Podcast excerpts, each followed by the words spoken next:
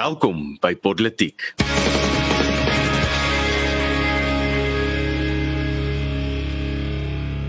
Asai, goeiemôre dames en here. Dit is middel Mei en jy luister Politiek middel Mei, middel van die week en middel van die moeilikheid is in Suid-Afrika woon lyk dit my. Nou ja, kom ons is 'n bietjie hierdie week se politiek. Hierdie week saam in die ateljee is Arno Rood en uh ekskuus, ek gaan nou net stadig wees. Hierdie week saam met my in die ateljee want baie Afrikaanse mense het die woord met begrawe en agtergelos. Saam met my in die ateljee, 'n belangrike onderskeid. Ehm um, Ons het twee stories, Rusland wapenskandaal en die ryter skryf 'n Eskom verhaal. Nou ek moet eerlik wees, die aanvanklike rympie was baie minder vleiend, maar ek dink ons vriende binne die media sou dit nie gepubliseer het nie. So in in respek en waardering het ons het ons hom verander na iets meer vriendelik. Nou ek ek weet nie veel van die storie of nie. Ek was in my lewe al een of twee keer by um by Simonstad, 'n interessante plek. Ook toevallig die plek wat uh, op hierdie stadium uh bietjie in die nuus is. Kan jy vir ons 'n bietjie meer vertel? Ja, Suid-Afrika was weer eens bietjie in die internasionale nuus en snaaks genoeg die keer het dit nie gegaan oor die springbokke of beerdkrag nie.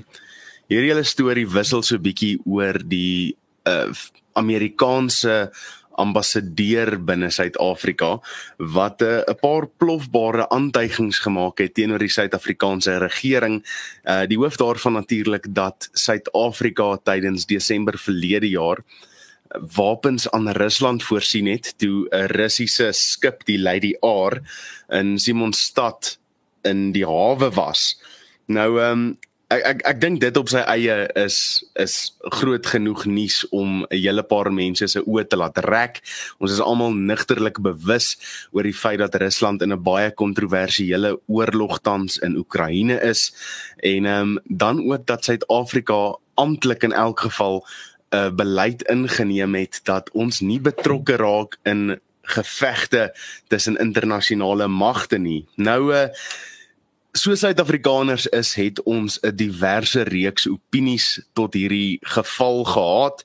Die eerste van wat uh, regtig my aandag getrek het is die feit dat Suid-Afrikaners 'n grap oor alles maak. Sodra ons uitgevind het dat daar moontlik wapens aan Rusland voorsien was, was daar memes en spotprente en allerlei snaakse videoetjies oor hierdie gemaak weer eens maar net Suid-Afrikaners wat gek skeer om die pyn weg te lag.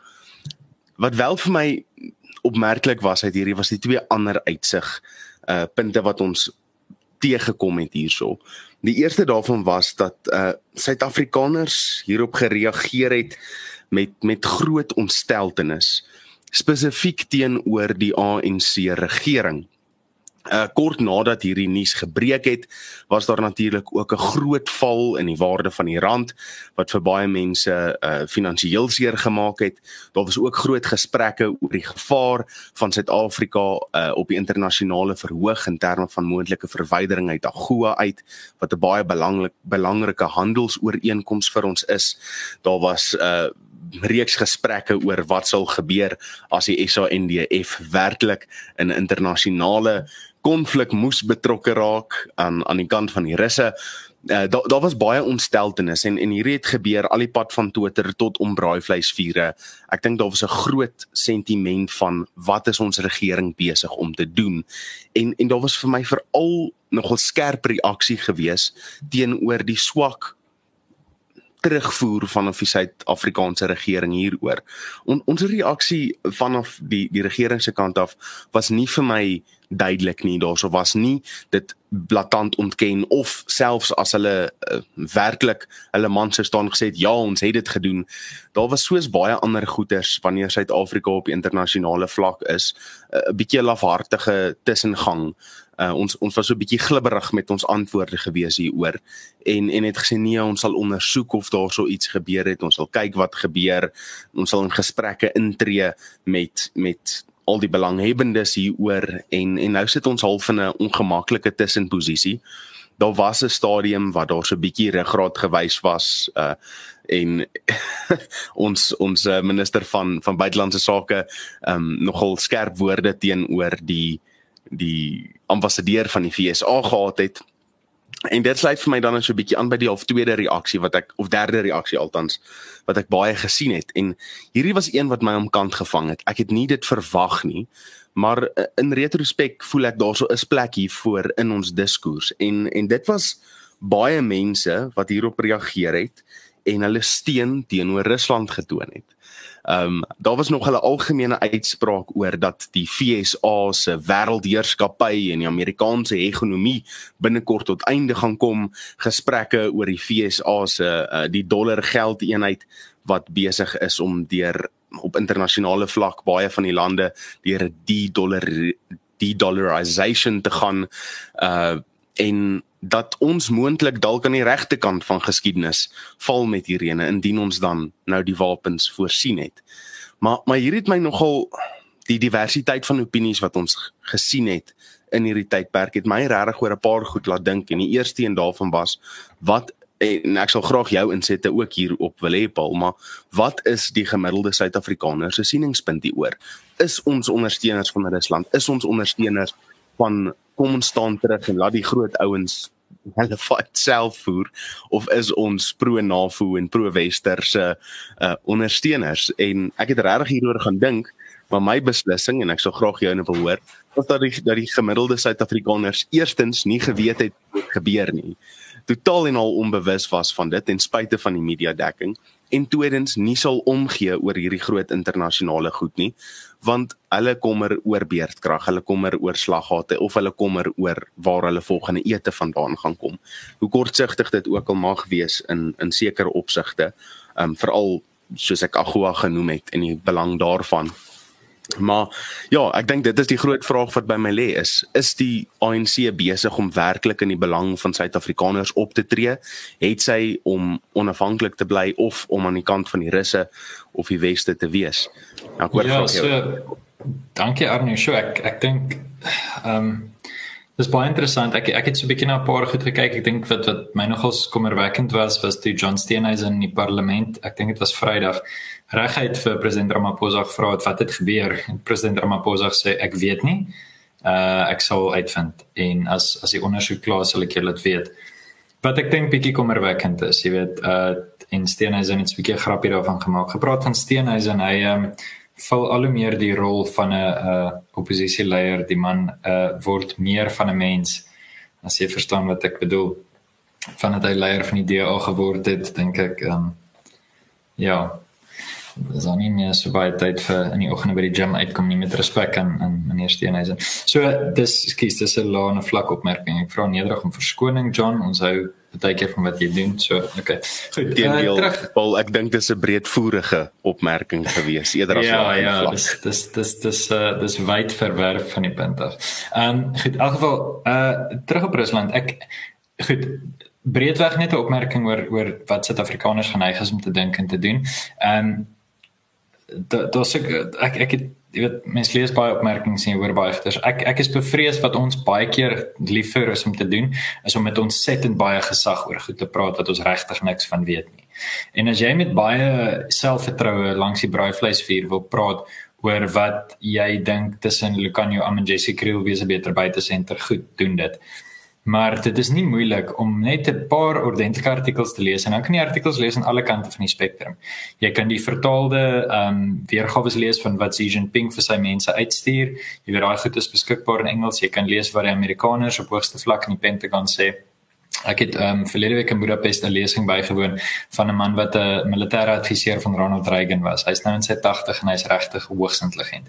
En en hy het 'n baie realistiese ehm um, padkaart geskep vir waantoe hy dink die oorlog pad is. Hy het gesê ehm um, of Rusland of Oekraïne gaan eers inval. As dit Rusland is, gaan dit uit ehm um, uit Belarus uitkom en hulle gaan probeer om Kiev af te sny.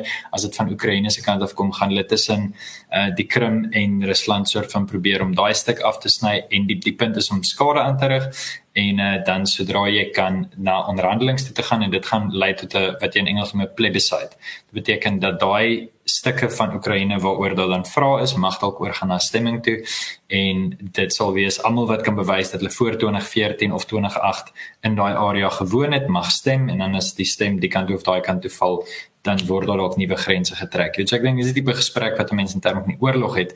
Uh en dis ek praat van 'n hoogste vlak iemand wat ook aan aan internasionale regerings advies gee. Wat vir my interessant was, dit was 'n baie nigter beskouing en ek dink dis wat mense sê as jy bedoel jy wil hê daar moet vrede kom. Ongelukkig as jy as jy baie mense sê ek wil hê daar moet vrede kom dan sê hulle o, so jy wil hê die Oekraïners moet afgeslag word en en Rusland moet ondersteun word of of Oekraïne moet nie ondersteun word nie. Dis nie wat ek sê nie. Ek dink hoe gouer daar wapenstilstand kom, hoe beter en dit is nie vir Rusland of vir Oekraïne nie, dis vir vrede. Ehm um, En die vraag wat baie mense dan het is goed, maar sal jy dan toelaat dat Rusland die Krimskiereiland terugvat, laat hulle ehm um, sekere dele van die Donbas streek wegvat? Weerens dis moeilik. Ek is nie ingelig nie. Ek dink ek lees 'n bietjie meer as as baie mense daaroor en hoe meer ek lees, hoe meer besef ek dat ek niks weet nie. So daaroor is ek ook maar maar lekker versigtig. Ehm um, maar ek dink as ek 'n algemene waarskuwing kan gee vir die vir wie ook al belangstel, jy weet wees maar versigtig om net 'n opinie te hê, blinde opinie te hê. Dit is my baie keer so interessant om te sien as mense in gesprekke ingaan en daar's hierdie sterk ideologiese lyn, maar daar't net daar's net niks agter dit nie. Daar's niks inhoud nie. Jy het niks gelees hieroor nie. Jy verstaan nie waar die oorlog gaan nie. Jy het nie 'n leidende podcast geluister hieroor nie. En dis vir my hartseer, jy weet. So as ek, het meer respek vir iemand wat super aan die Amerikaanse kant is, maar regtig dit gelees het of super aan die Russiese kant is, maar dit gelees het en ek kan daai persoon in gesprek ingaan. Ehm um, ek dink as as persone dalk met 'n gelowige agtergrond begin mense altyd en sê wat gaan die minste lewens kos. Ehm um, jy weet ek dink dis 'n bitterlike moeilike gesprek oomblik wat jy hoor um, grense begin praat. My standpunt was en bly in 'n mate dat jy weet Rusland het nie respek vir soewereine grense nie. En so dan as ek regtig gekant moes kies sou ek sê dat ek dink dit moet bestraf word. Jy moet respek hê vir soewereine grense. Meer belangrik as dit vir my is is die die gedagte dat die oorlog moet stop uh, en dat lewens dat lewens nie verder verlore moet gaan nie. Ehm um, en nou is baie mense se argumente in die weste okay maar jy jy weet uh, ons ons moet jou ons ondersteun hulle is in oorlog okay uh deur die oorlog langer te laat aanhou. Ek weet nie, jy weet dit is 'n moeilike vraag en en dit is weer eens nie pro Rusland pro Oekraïne nie. Ek dink is pro vrede. Ehm um, so ja, dis jy kan hoor ek baie versigtig van politiek luisteraars. Het is ook maar aan alle kante van die ding. En ek ek dink my standpunt oor dit is ek sal graag met enigiemand daaroor praat wat regtig belangstel, wat regtig daaroor lees en wat nie net een of ander nuusmedia naop nie. In terme van Suid-Afrika, dis my hartseer dat Cyril Ramaphosa nie weet wat op ons hawe gebeur het tussen 6 en 8 Desember nie. Ehm um, ek weet dat daar nou tussen van Ruben Brigitte as dit as ek dit reg sê die die ambassadeur dat hy gesê het goed wel jy weet die gesprek is nog aan die gang, die ondersoek is aan die gang is my baie interessant om te sien hoe die storie opgeskiet het in die media en toe is daar net doodse stilte. Jy weet, jy kry alles van 4 of 5 dae terug en baie min van onlangs. Jy weet, dis klein nuusmedia huise wat nog steeds oor praat. So ek dink die die interessante vir my gaan wees waantoe gaan dit dan nou van hier af en wat sal dan die uitslag wees? Ek dink ongelukkig uh die storie gaan dieper as wat mense dink en ek ek dink ook nie dis omdat Suid-Afrika pro Rusland of pro FSA is nie. Ons het dit al gesê op politiek. Ek dink Suid-Afrika is maar net in 'n posisie waar ons niks vriende het nie. So wie ook al jou pouse nooi om saam met hulle onder die boom te staan, sê jy maar vir ja. Ja.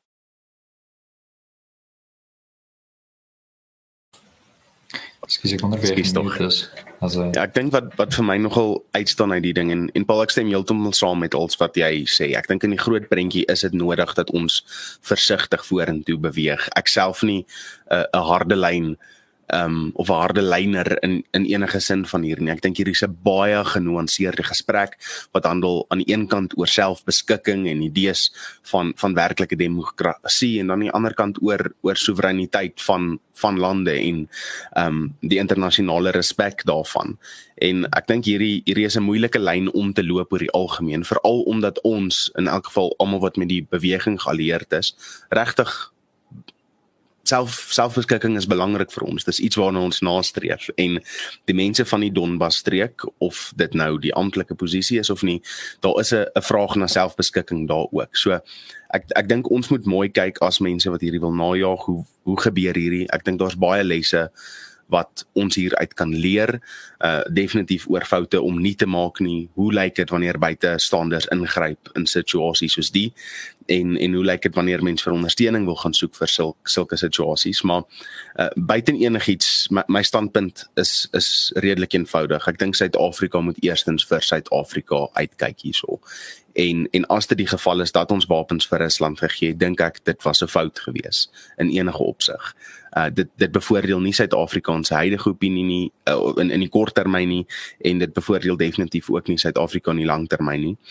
En ehm um, polities was dit vir my 'n flouter gewees wat ek definitief graag sou wil sien reg gemaak word het sy deur duidelike uitsprake van die regering om te sê hierdie het gebeur, hierdie is wat die situasie was of ons vra om verskoning daarvoor of ons gaan iets doen om dit reg te stel of aan die ander kant om te sê ons het bevind dat daar niks gebeur is nie en hierdie ou van Amerika met sy striktas en snor het nonsens gepraat. En ehm um, ja, ek sal graag dit wil sien. Dalk is ek optimisties om te dink dat Suid-Afrika werklik 'n sterk uh standpunt kan neem hierso en en eintlik 'n 'n positiewe bydrae tot die gesprek gaan lewer na dit.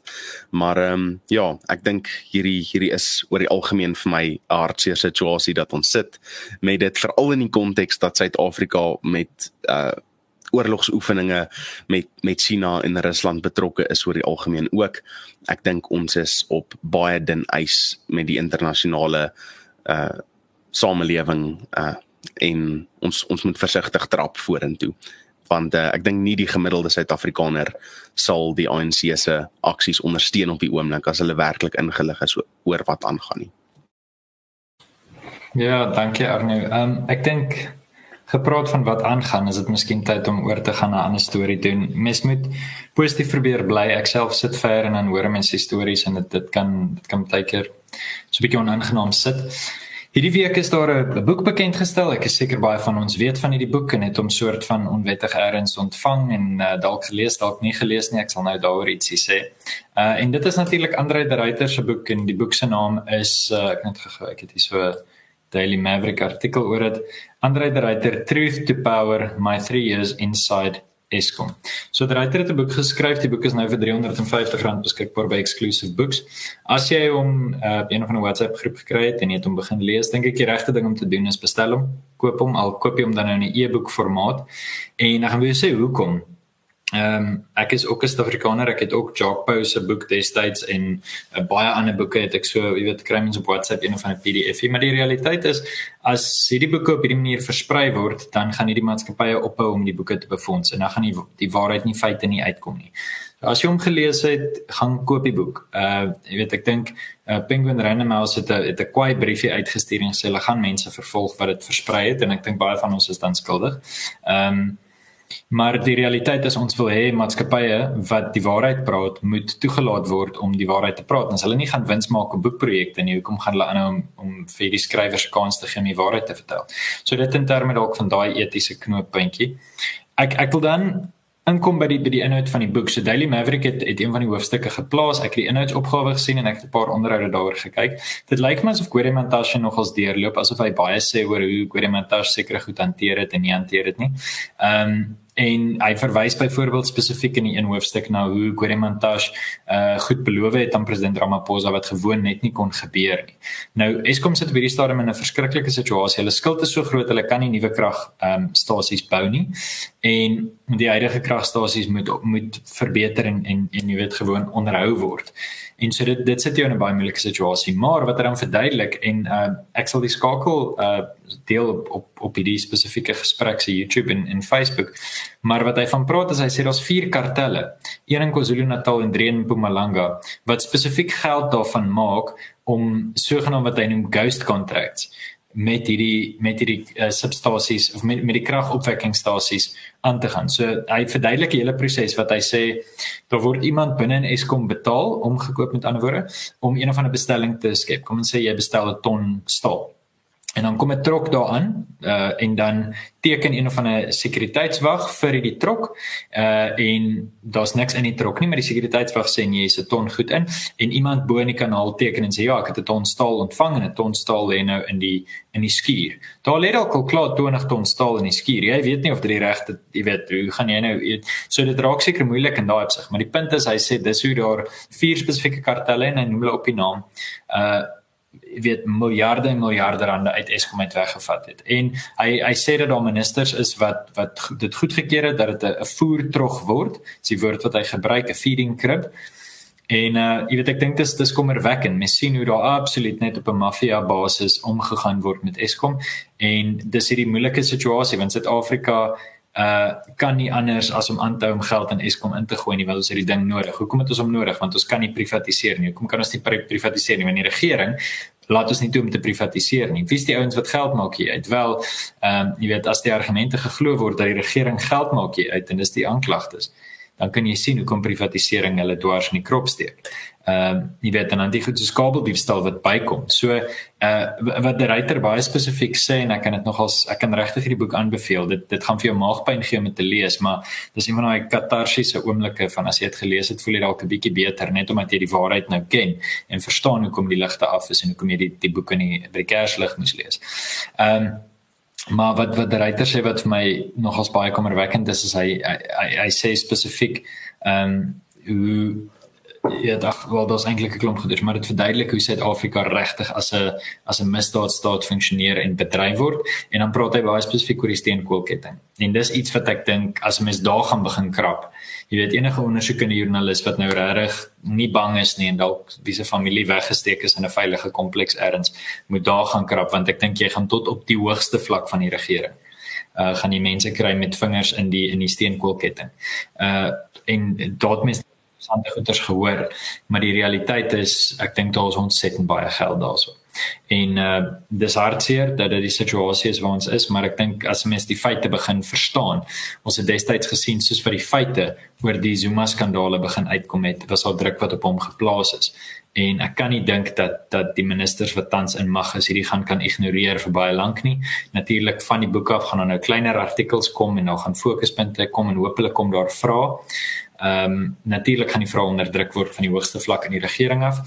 Maar ja, so Arno, dit is die dis die die stand van die krisis, die belangrikheid van die boek vir jou as luisteraar. Uh, koop gerus daai boek. Ek dink dit is moeite werd en ek dink Andre de Ruyter verdien ons paar honderd randjies wat hy probeer doen het en uh, wat ek dink in 'n mate as al wat hy reg gekry het is met die oopte vlek dan dink ek hy het baie reg gekry. En ehm um, ek sit ver weg maar ek het die boek elektronies gekoop ook mens 'n bietjie uit skuld gevoel het as ek dink oor hoeveel keer ek hom gekry het op verskillende WhatsApp groepies. Maar ehm um, ja, dan uh Penguin Renemas met my nie vra wie die mense is nie want ek dink almal het surf van ook net maar die boeke weer delete wat hulle aangestuur het maar sover ek weet het meeste mense dit ook net maar gaan koop elektronies uit skuld gevoel het wat ek dink die verantwoordelike ding is om te doen. Ja, ehm um, so Arne ek hoor graag wat jy te sê het en vir ons politiek luisteraar as jy opinie het en jy wil hê ons moet regstreeks bietjie daaroor praat, gooi vir ons 'n kommentaartjie vir wat later luister, ehm um, ek op sosiale media van sê wat hulle dink aan praat ons volgende week daaroor. Wel ek ek dink nogal ek het nog nie die boek gelees nie. Uh ongelukkig op jede so bietjie besig daarvoor, maar ek ek sien baie uit om om 'n paar dae te vat en en regtig deur dit te werk. Want ek dink dit gaan ek ek hou van wat jy gesê, dit gaan so 'n katarsiese oomblik vir elke persoon veroorsaak. Dit was vir my so gewees met elkeen van um Etsy Jock Bow of al die ou ander ouens se boeke ook gewees. Dit voel so vir 'n oomblik ek verstaan wat aangaan hierso. En wat wat nogal vir my opmerklik is uit die is uh ek's op hede nogal besig met met 'n saak wat 'n groot maatskappy is en waar ek sien dat selfs in privaat maatskappye wat wat hierdie skaal is en ek dink Eskom is op 'n heel ander skaal as dit.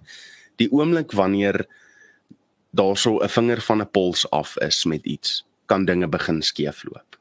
En ek ek dink wanneer jy na iets op die skaal wat Eskom is kyk, mee begin werk en uh nie, nie net kyk na iemand wat 'n vinger van die pols af het nie, maar doelbewus mense wat nie in staat is om die werk te doen wat hulle doen nie. Doelbewus mense wat korrup is in posisies instel daarso. Hoe skeef kan dinge nie baie vinnig loop nie. En en dit maak my bekommerd want as as jy na privaat maatskappye kyk wat enerse goederes mee gebeur, dis ouens wat grootendeels bekwam is om die werk te doen wat hulle doen. Dis ouens wat grootendeels daar is vir winsoogmerk of vir ehm um, die klim van die van die korporatiewe leer of of wat ook al se sin. En en jy kan kyk hoe lelik sulke goed skeef kan gaan. As jy dan gaan kyk na na Eskom, dan voel dit vir my ons is werklik op die punt wat ek dink die verrot so diep is dat die enigste ding wat daar is om oor te doen is die ding wortel en stam als uitruk en weer oor te begin. En en ek besef dis dalk tot 'n mate drasties want ehm um, wat gaan ons sonder elektrisiteit doen? Maar in elk geval in lig van wat van ons kommentators hierso in die kant sit, het hulle al reeds nie elektrisiteit nie.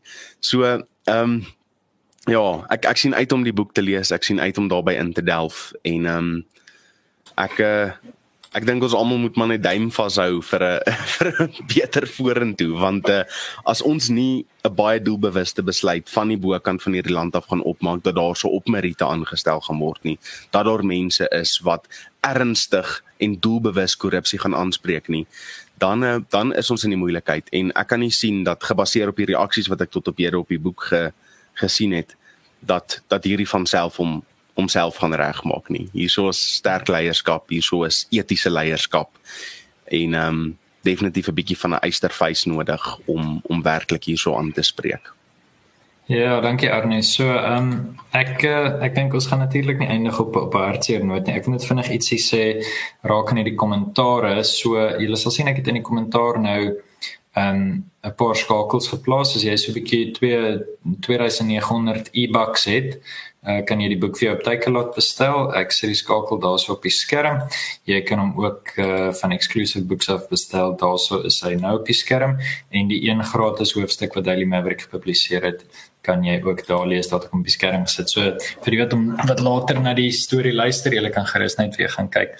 Ehm um, die die ek ek sien hier's 'n kommentaar uh van Reed Smit wat vra sal Afriforum solidariteit in die DA hierdie uitlatings asseblief laat ondersoek. Ek ek kan myself nie indink dat daar nie alreeds ondersoek aan die gang is nie. Uh ek weet ek dink die waarheid is nou in die lig en uh, ek dink mense soos John Steenhuisen en um, iemand soos Dr Leon Schreiber wat ek het nogals hoop vir hom as politikus. Um Popalat sê van die DA daar's dalk 'n paar sterk ouens by Action SA en so en ek dink hulle gaan hierdie net los nie. Maar die realiteit is daai ondersoeke gaan 4 of 5 of 10 jaar vat. Ek bedoel Jacob Zuma se korrupsie was in 2003 en uh, so dis dis dis deel van die oplossing, maar ek dink 'n ander deel van die oplossing is om net in die lig te bly en te keer dat die vliegtyg val. Ek het vandag die voorreg gehad om met Flip Buys te gesels, voorsitter van Solidariteit beweging ehm um, rakende Hongarye, Suid-Afrika verhoudings en so aan wat ek ook van die kant af mee werk en toe sê hy vir my die pragtigste ding, toe sê hy gisteraand by die Voortrekker Monument het ehm um, Akademia se koor het opgetree uh saam met 'n uh, jeugorkes, die FK se jeugorkes as ek as ek reg onthou. En hy sê jy het hierdie jy het hierdie verskriklike bipolêre idee van by die huis is daar nie warm water nie, maar jy het hierdie eerste wêreldse ervaring. En ek dink in 'n sekere sin som dit Suid-Afrika op, jy weet, ons het daar is nog soveel mooi um, in die land en daar's soveel wat jy moet werd is om in te belê. Die hartseer is dat 'n uh, 'n bende kriminele eintlik maar die die land oorgevat het en jy weet ehm um, wat wat wat gaan 'n mens wat gaan 'n mens doen? Jy weet jy kan opgee jy kan jy weet soos Job op 'n ashoop gaan sit en jouself in die potskerf krap jy kan dit doen jy's welkom. Ehm um, maar dan is daar ook planne om te maak jy weet uh, daar's daar's maniere en ehm um, daar's goed om te doen daar's daar's daar's planne om te maak. En ek dink ons ouens het besig is met daai planne. In Suid-Afrika het ons nog altyd ehm um, jy weet boere gehad 'n goeie sterk landbou sektor wat seker gemaak het daar's kos. En nou begin hulle planne maak met sonkrag byvoorbeeld in Frankfurt. Daar's klein dorpies wat hande vat wat oplossings probeer maak. En ek dink die groot ding is ehm um, en ons sê dit al vir 5 jaar op politiek maar die groot ding is om om jy weet op klein vlak verantwoordelikheid te vat vir dit wat jy kan. Die Engelse filosoof Roger Scruton het gesê jy moet verantwoordelikheid vat, vat vir die hoekie wat joune is. En en ek dink watter hoekie is ons in? Dis jou erf, jy weet, dis jou kerkraad, dis jou laerskoolsbeheerliggaam, dis jou kind se kleuterskool, dis die sypaadjie voor jou huis. Ehm um, in die oomblik as jy gaan toelaat dat laat hierdie goed jou in die hoekie laat sit en jouself jammer kry, ehm um, of dat jy vlug en jy weet en ek is jammer om te sê ek self sit in die buiteland maar jy jy weet daar's vir my 'n groot verskil tussen iemand wat gekom het vir 'n geleentheid ehm um, en jy kan ook sien jy kan ook hoor en daai mense wat net sê weet jy wat ek wil niks te doen hê met daai land nie ek wil nie teruggaan nie ek wil nie daaroor dink nie. Dit is dis 'n blinde kol ek dink daaroor as ek met my ouers praat oor die foon en dis al. Ehm um, of as ek Springbok rugby kyk nou en dan.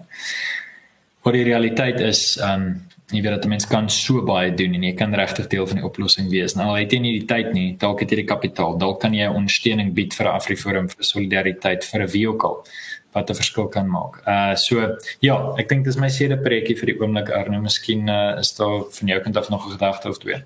Ja, ek dink ek wil net hierso aansluit by jou aan die einde. Ek dink ons ons is op 'n baie unieke spasie op die oomblik dink ek in Suid-Afrika en ek sê ons spesifiek uit die standpunt uit vir die mense wat dit nog wil maak werk hier. Ek dink ons ons soos jy sê jy sien die ouens wat gevlug het en en hulle moet hulle lewe geniet daarso, maar ek dink daarso is so baie mense die wêreld om wat Suid-Afrika wil maak werk. Baie mense hier, ons het die solidariteit beweging, ons het Afriforum, ons het maatskappye soos Rural Free State, soos Rural Maintenance, ons het 'n uh, verskeidenheid bewegings en buurtwagte en en daar's ons momentum in hierdie organisasies op die oomblik. Daar is energie in hierdie organisasies op op die oomblik en ek dink die mense wat nog altyd huiwerig was om betrokke te raak by 'n Afriforum wat huiwerig was om betrokke te raak by hulle buurtwag of gemeenskapsorganisasie. Hierdie is nou die tyd om dit te doen. Daar is energie, daar is hoop, daar's ons dryfkrag in hierdie organisasies en ek dink ons gaan in hierdie volgende seisoen merkwaardige dinge sien gebeur. Um van van voetsoel vlak af op. En dan die tweede ding Paul, net soos wat jy tans in die buiteland is, kan ek getuig dat daar baie mense in die buiteland is wat wil maak dat Suid-Afrika werk. Ons kyk aan die een kant na na die mense wat geïmigreer het en geleenthede gaan gaan soek. Ek kyk na 'n klomp ouetjies wat saam my op skool was wat tans in die FSA is, uh wat daar gaan stroop en boer wat almal opgewonde is om terug te kom en kapitaal terug te bring en te kom belê hier op eie um, voedselvlak en en dan ook is daar so mense in die internasionale omgewing wat goedgesind teenoor Suid-Afrikaners is wat dinge wil maak werk.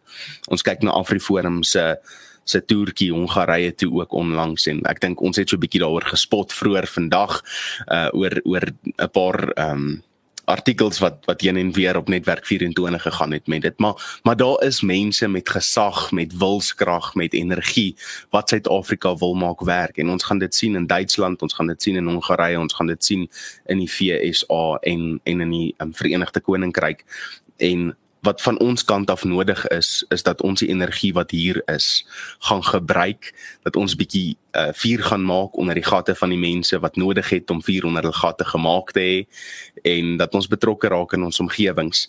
En uh, aan die een kant dit en aan die ander kant is ons 'n jaar weg van 'n volgende verkiesing af hierdie is 'n belangrike verkiesing en dit loop hand aan hand met jou betrokkenheid in hierdie gemeenskapsorganisasies dat jy die verantwoordelikheid om te gaan stem ook ernstig opvat. Daar is energie op die oomblik gegeewe, dis 'n onstabiele energie so hier en daar, maar daar is positiewe energie en ek dink ons almal het 'n verantwoordelikheid net soos wat dit is om by jou gemeenskap betrokke te raak om regtig 2024 'n belangrike keerpunt in Suid-Afrika se geskiedenis te maak. Ek dink ons eh, ons wêreld is ryp daarvoor om om bietjie verandering te sien.